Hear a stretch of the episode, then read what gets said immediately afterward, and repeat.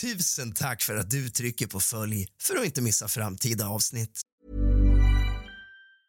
If you thought the only way to get a more defined jawline with natural looking results was through surgery, think again. Juvederm Volux XC is a non surgical injectable gel filler that improves moderate to severe loss of jawline definition and can help you achieve natural looking results with little downtime. Even better, this improved definition lasts up to one year with optimal treatment. No maintenance required. Improve jawline definition for a smooth, sculpted look with Juvederm Volux XC. For important safety information and to find a licensed specialist, visit juvederm.com. That's J U V E D E R M.com. Not for people with severe allergic reactions, allergies to lidocaine, or the proteins used in Juvederm. Common side effects include injection site redness, swelling, pain, tenderness, firmness, lumps, bumps, bruising, discoloration, or itching. There's a risk of unintentional injection into a blood vessel, which can cause vision abnormalities, blindness, stroke, temporary scabs, or scarring. Talk to a licensed specialist to find out if it's right for you. As a person with a very deep voice, I'm hired all the time for advertising campaigns.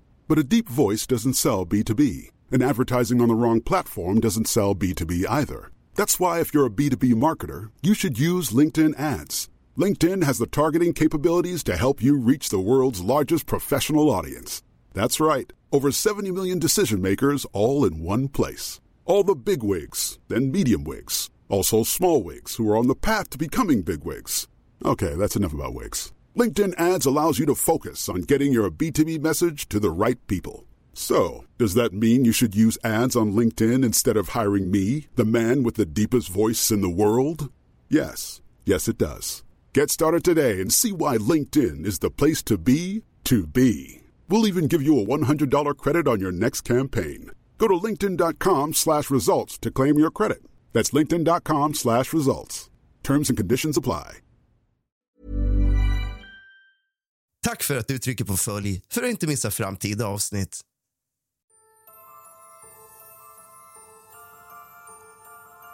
God afton, din lilla fegis. Och kallt välkommen tillbaka ska just du vara till kusligt, rysligt och mysigt.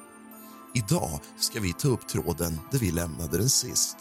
Vi ska fortsätta få ta del av den här äldre gentlemannens livshistoria. Vi är någonstans strax efter kriget och vi hoppar in där vi avslutade.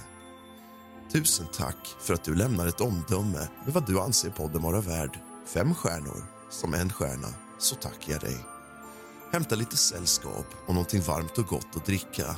Släck alla lampor och tänd alla ljus, för nu börjar dagens avsnitt av kusligt, rysligt och mysigt.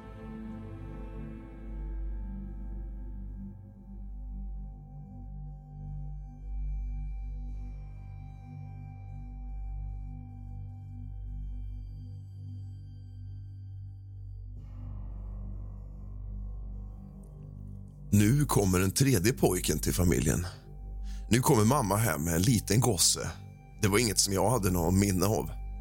Vad jag minns är att jag och mittenbrorsan fick ständiga förmaningar om att vara rädda om lillebrorsan. Någon minne av att jag hade en lillebror har jag inte de första två, tre åren. Det var mittenbrorsan och jag som lekte. Vad vi gjorde när vi lekte?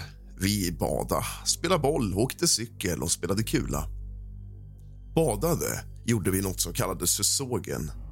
Men när mittenbrorsan var med fick vi bada jämte järnvägen. Spåret gick vid Mälarens strand och på ett ställe fanns en liten sandstrand. Där fick vi bada. För att nå badplatsen fick vi gå ungefär 100 meter längs järnvägsspåret. Mamma förvarnade oss innan vi gick och sa att vi var tvungna att lyssna på spåret och lägga örat mot det så att inga tåg var på gång. Sen gick vi och badade. Vad mamma inte visste var att när tåget skulle komma gick vi barn och satte oss på en balk på en bro som var i närheten. Balken som låg så att tåget kom ovanför, där satt en rad barn när tåget kom. Tåget tutade och lokföraren måste ha fått skrämselhicka av att se en rad barn sitta på bron. Allt nog kom tåget och vi satt under tåget. Vi var mest rädda för att någon passagerare skulle gå på muggen eller ramla ner från balken i vattnet. Toan gick som rätt ner under tåget, så allt hamnade under tåget. Jag fattar inte hur mycket mamma litade på oss. Mobiltelefoner fanns inte ens en gång i serietidningar. Vi var borta och badade i många timmar. Idag har föräldrar till och med GPS på barnen. Ett tips. Ge barn ansvar. Det kan man ta i tidigt 3 till 4 år. Prova får ni se. Lämna hönsrollen som föräldrar. Det var inte bara jag och mittenbrorsan som var på badstranden. Många barn, inga vuxna. Ja, så var det på 50-talet i Sverige. Nu är det april och jag är sju år och vintern börjar ge sig. På vintern var det snökojor, skidor och skridskor som var det stora nöjet. Nu var det vår och allt det roliga skulle precis komma. Det var vårkänslor i luften och jag minns att vi plockade blåsippor till mamma, spelade kula vid stationen och cyklade. Det var nöjen som vi rådde oss med. Snart skulle sommaren komma och då var det bad som var den stora grejen. Redan förra sommaren gick jag i simskola utanför Mariefred. Det var fyra kilometer cykelväg. Att gå på simskola var kul, att lära sig simma var toppen. Problemet var att allt jag gjorde skulle även mittenbrorsan självklart göra. Det innebär att han följde med till badet. Kan ni tänka att två små barn cyklade först en kilometer på nuvarande E4, men då hette det rikssex. Det kommer rätt mycket bilar. Sen två kilometer på vägen från riksexan in till Mariefred. Det var mindre trafik, men ändå. Det var många bilar som styrde kosan mot Gripsholms slott. Sen inom stan på en stig, den sista kilometern. Det var den roligaste biten. En stig som slingrade sig genom skogen som i en tunnel av träd och vegetation mitt i spenaten. Sen öppnade sig landskapet mot Mälaren med en sandstrand. Där var simskolan. Vi hade med oss en halv liter saft och några bullar i en matsäck. Först var det simskola i två timmar. Sen var vi kvar och hade kul till Maja kom. Maja var ångbåten som gick mellan Stockholm och Mariefred. Maja kom vid 16-tiden och drog upp stora vågor som kom in mot stranden. Vågorna var jättekul att leka med under någon minut. Sen var det roliga över. Det var signalen att vi skulle cykla hem. Simskolan varade under några veckor så proceduren upprepades varje vardag. Jag torrsimmade, övade på att simma och mittenbrorsan lekte och plaskade runt. Han var för ung för att vara inskriven på simskolan men var tvungen att vara sex år. En dag kom en gubbe och skrek och frågade vem som var förälder till den ungen. Det var jag och gubben skällde ut mig efter noterna och jag skulle hålla reda på ungen. Skälet var att det var simläraren som skulle examinera ungdomar som skulle ta simmärket till kandidaten. Under ett moment när man kastar ner en vit platta på botten som elever skulle simma ner och hämtade upp. Mittenbrorsan, som trodde att han kunde allt, hoppade från bryggan och skulle simma ner för att hämta den. Dels kunde han inte simma, så simläraren fick fiska upp honom med en stång med en ring i änden för att han inte skulle drunkna. Och Sen störde han elevernas examensprov. Därför var han förbannad, men säkert också rädd. Jag kan tycka tidigt att få lär sig reglerna att ta ansvar. Men det är bara nyttigt och det har det varit för min del och varit en tillgång i mitt liv. Tänk på det, hönsföräldrar. Nu börjar sommaren lida mot sitt slut och allt det roliga är över. Nu är det dags för skolstart. Mamma följde med första dagen till skolan så jag skulle veta var den var. Vi cyklade dit. Skolvägen var en kilometer på riksexan och en kilometer på en mindre grusväg. Där låg småskolan, klass 1 och 2. Skolan hette Lotorps skola och låg i skogen med bara lärarbostaden som enda granne. Sen var det skog runt om. Andra dagen fick jag åka själv till skolan. Mitt minne är inte så skarpt från skolan men jag tyckte det var kul att lära mig nya saker och få nya vänner. Head over to Hulu this March, where our new shows and movies will keep you streaming all month long. Catch the acclaimed movie All of Us Strangers, starring Paul Mescal and Andrew Scott. Stream the new Hulu original limited series We Were the Lucky Ones with Joey King and Logan Lerman. And don't forget about Grey's Anatomy. Every Grey's episode ever is now streaming on Hulu. So, what are you waiting for? Go stream something new on Hulu. How would you like to look five years younger? In a clinical study, people that had volume added with Juvederm Voluma XC in the cheeks perceived themselves as looking five years younger at six months after treatment. Look younger, feel like you. Add volume for lift and contour in the cheeks with Juvederm Voluma XC. Reverse signs of aging by adding volume to smooth laugh lines with Juvederm Volure XC. For important safety information and to find a licensed specialist, visit juvederm.com. That's J U V E D E R M.com. Not for people with severe allergic reactions, allergies to lidocaine, or the proteins used in Juvederm. Common side effects include injection site redness, swelling, pain, tenderness, firmness, lumps, bumps, bruising, discoloration, or itching. There's a risk of unintentional injection into a blood vessel, which can cause vision abnormalities, blindness, stroke, temporary scabs, or scarring. Talk to a licensed specialist to find out if it's right for you. Det innebar att jag för några timmar slapp ansvar för mittenbrorsan och det kändes skönt. Tyvärr blev jag mobbad. Mobbing fanns inte som ord, men händelserna fanns. Det var precis samma sak då som idag. Jag har astma sen barnsben, vilket gjorde att jag inte hade samma ork som andra barn. Jag var född i Småland och pratade inte ren sörmländska utan småländska med skorrande R. Jag var dessutom längst av alla barn. Därmed var jag annorlunda och skulle givetvis retas. Mobben leddes av en kille som gick under namnet Ulf i Nygärdet. Nygärdet var den gård han bodde på. Ulf var ett år äldre än mig och utövade en massa verbala retningar. Är det kallt där uppe? Skorrade med R och uttalat med sörmländsk småländska. Det fysiska var muskelsoppa och gömma cykel. Muskelsoppa går till så att man blir nedbrottad på marken för att sedan få sina ben eller armar låsta där någon gnor på armarna eller benens muskler. Det gör jätteont och lämnar stora blåmärken efter sig. En dag när jag satt och läste läxorna som mamma var noga med att jag skulle göra varje dag så kom fröken Vera hem till mamma. Jag vet inte vad mamma och hon talade om, men jag fick visa mina överarmar. Där hade jag massor av små blåmärken och fröken frågade hur jag fått dem. Jag vågade inte säga sanningen utan jag ljög och sa att jag hade klättrat i träd. Jag antar att mamma och Vera pratade om att barnen var retsamma mot mig. Skolarbetet var roligt och jag var duktig så det var inga problem. Värre var allt som barnen hittade på, det jobbiga. Skolan rullade på och termin två kom igång. Det var vinter och jag hade varit hemma i sjuksängen i en vecka i astma. Första skoldagen kom Ulf med sitt gäng. Han gav order att man skulle pulas. Ja, nu pular vi honom. Jag åkte i backen och hela gänget tog snö och gnodde in i mitt ansikte. Jag kände att jag tappade andan och i mitt huvud såg jag mig i sjuksängen en vecka till. En hemsk tanke. Likt Hulken fick jag superkrafter och kom loss och flög upp och gav den flinande Ulf en rak höger så att det kom blod från både mun och näsa. Ulf sprang gråtandes och bad högljutt Vera, Vera och gav efter sig ett bloddrypande dropp i snön. Barnen stod häpnat och bara tittade. Vera kom och ringde in till lektion.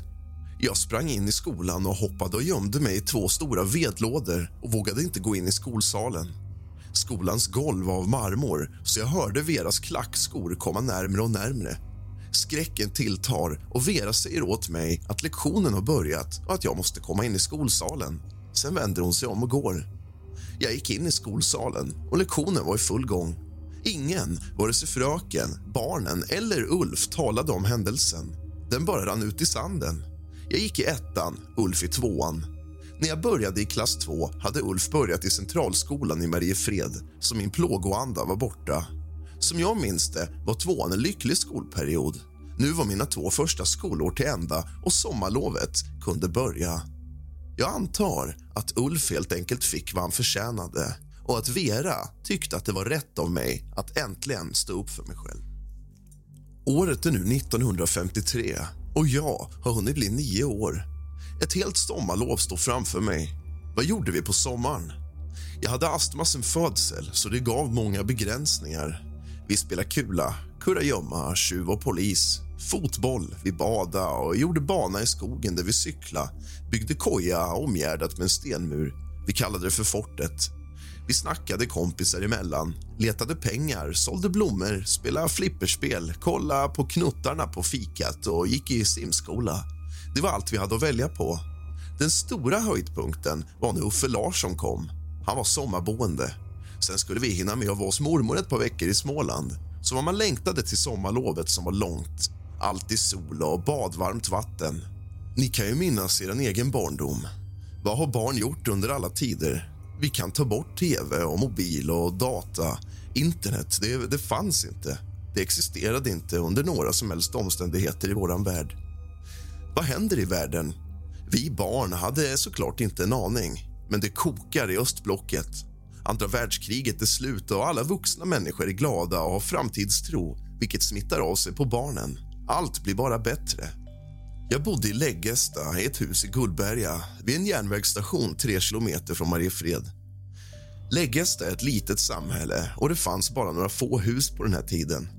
Om man kommer buss från Mariefred till Läggesta kommer man först till Trekanten ett kafé och en bensinstation ungefär en kilometer ifrån oss. Där låg också Mariannelund som en stor herrgård som beboddes av Crafoord. Där fanns också mejerier och ett bostadshus. I bostadshuset bodde familjen Björkman. Fortsatte man sen mot Läggesta kom man först till ett rött hus. Där bodde fru Eriksson. Det fanns också en liten väg där det fanns ett hus som Ulf Sjödin bodde i. Sen kom vårt hus och mitt emot var det ett stort hus i en liten backe ovanför vårat. Där fanns också lillstugan.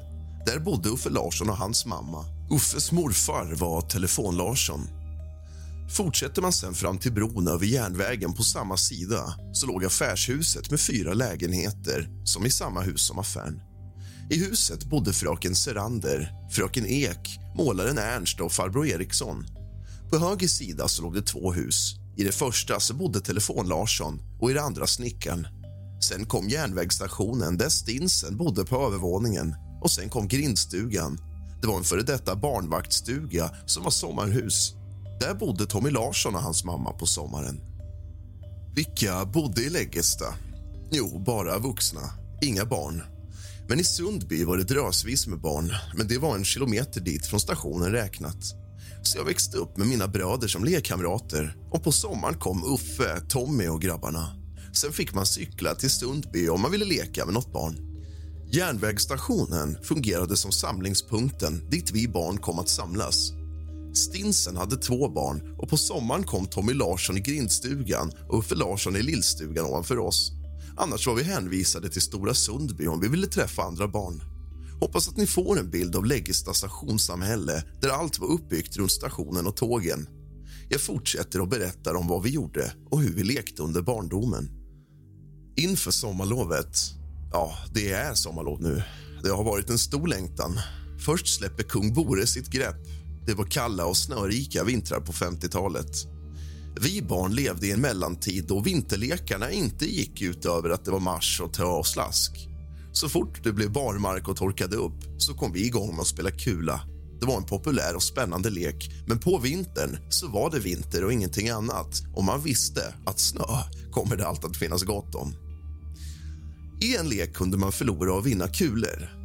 Det var olika med humöret om man gick hem efter man spelat kula. Ibland i eufori efter att ha vunnit stort och ibland i sorg efter att ha varit en förlorare. Hur man visste var det spelades kula var ett mysterium. Det var så att järnvägsstationen blev en samlingspunkt för oss barn. Man tog med kulpåsen och gick dit. Det var långt ifrån alla gånger det var några barn där. Ah, Jan och Sven fanns alltid där. De bodde på andra våningen på stationshuset och var Stinsens barn. Men många gånger så kom det fler barn med kulpåsar och då var spelet i full gång. Vi spelade Pirre. För er som inte vet hur det går till så är det följande. Man lottar fram den som ska ställa upp pirren. Det är tre kulor i understa raden och en på. Det var den enklaste pirren, sen fanns det fler avancerade. När den som fått sätta upp pirren gör det bjuder han in till spel. Det bestäms sedan ett avstånd till pirren och därför kastar man kulor i avsikt att träffa pirren så den faller ihop. När det skett får den som träffat pirren sätta upp sin och den som hade pirren vinner alla kulor som är kastade. Sen håller det på så, och längre och längre tills det inte finns några som är intresserade eller har några kulor kvar. Det vanligaste var att man hade stenkulor att spela med. Leken startade på våren hos oss killar och det fanns tjejer, men de fick inte vara med. Det var bara killar. Tjejerna roade sig med hopprep och bollar med sina bollar. Ibland hoppade de hage. Det största problemet var att mamma krävde att jag skulle läsa läxorna först och bli förhörd med godkänt resultat. Ibland kunde det ta sån tid att jag inte hann träffa andra barn och därför missade många viktiga kulspel. Jag var inte glad åt det kravet som mamma hade och försökte förhandla bort det, men det gick inte. Hon var stenhård Läxa först, lek sen. Jag måste erkänna som vuxen att jag är evigt tacksam att det har präglat mig mycket idag. Viktiga saker först och roliga saker sen. När vi inte latchade kula så var det kurragömma som var grejen. Ibland letade vi pengar. Det fanns ett trädäck framför stationen. Mitt framför dörren fanns det en fotskrapa och till höger om dörren en godisautomat. Vi tog bort fotskrapan och ett barn gick ner under trädäcket och letade efter tappade pengar. Det var springor i trädäcket så att när någon skulle köpa godis blev det ibland så att man tappade pengen och den smet ner under trädäcket. Hade vi tur kunde vi hitta flera mynt. Vi köpte upp alla mynt i automaten. Det kunde bli en hel del chokladkakor, Dime, Japp och motsvarande. Sen samlades vi bakom förrådsbyggnaden och delade på godiset. Och då var det fest minsann. När vi ledsnat på kulspel och började kurragömma-leken och hade gjort det ett tag så började vi cykla. Det kunde vara en bana som vi gjorde upp och märkte ut en sträcka som man skulle åka på bakhjulet. Missade man att åka på bakhjulet den sträckan så blev man utslagen och så höll vi på till någon vann. Längre fram, när vår övergått till sommar, blev det fotboll. Vi hade ingen riktig fotbollsplan, men det var en äng som några farbröder satte upp ett mål på. Jag hade astma som sagt och kunde inte spela så mycket, så jag fick stå i mål. Det var lika illa, för jag var känslig mot gräspollen. Men vi barn räknade ut att framför mål så fanns inget gräs. Därför var det självklart att jag skulle stå i mål. Problemet är att pollen flyger omkring i luften, men det kunde inte vi barn räkna ut. Ofta hamnade jag i sjuksängen några dagar efter varje fotbollsmatch. Du har lyssnat på del två av Pojken från förr. Nu kommer jag i kommande avsnitt ta en liten paus från Pojken från förr men vi kommer återbesöka honom för att ta upp tråden där vi lämnar den här. Tusen tack för att ni har lyssnat på ännu ett avsnitt av kusligt, rysligt och mysigt. Sov gott.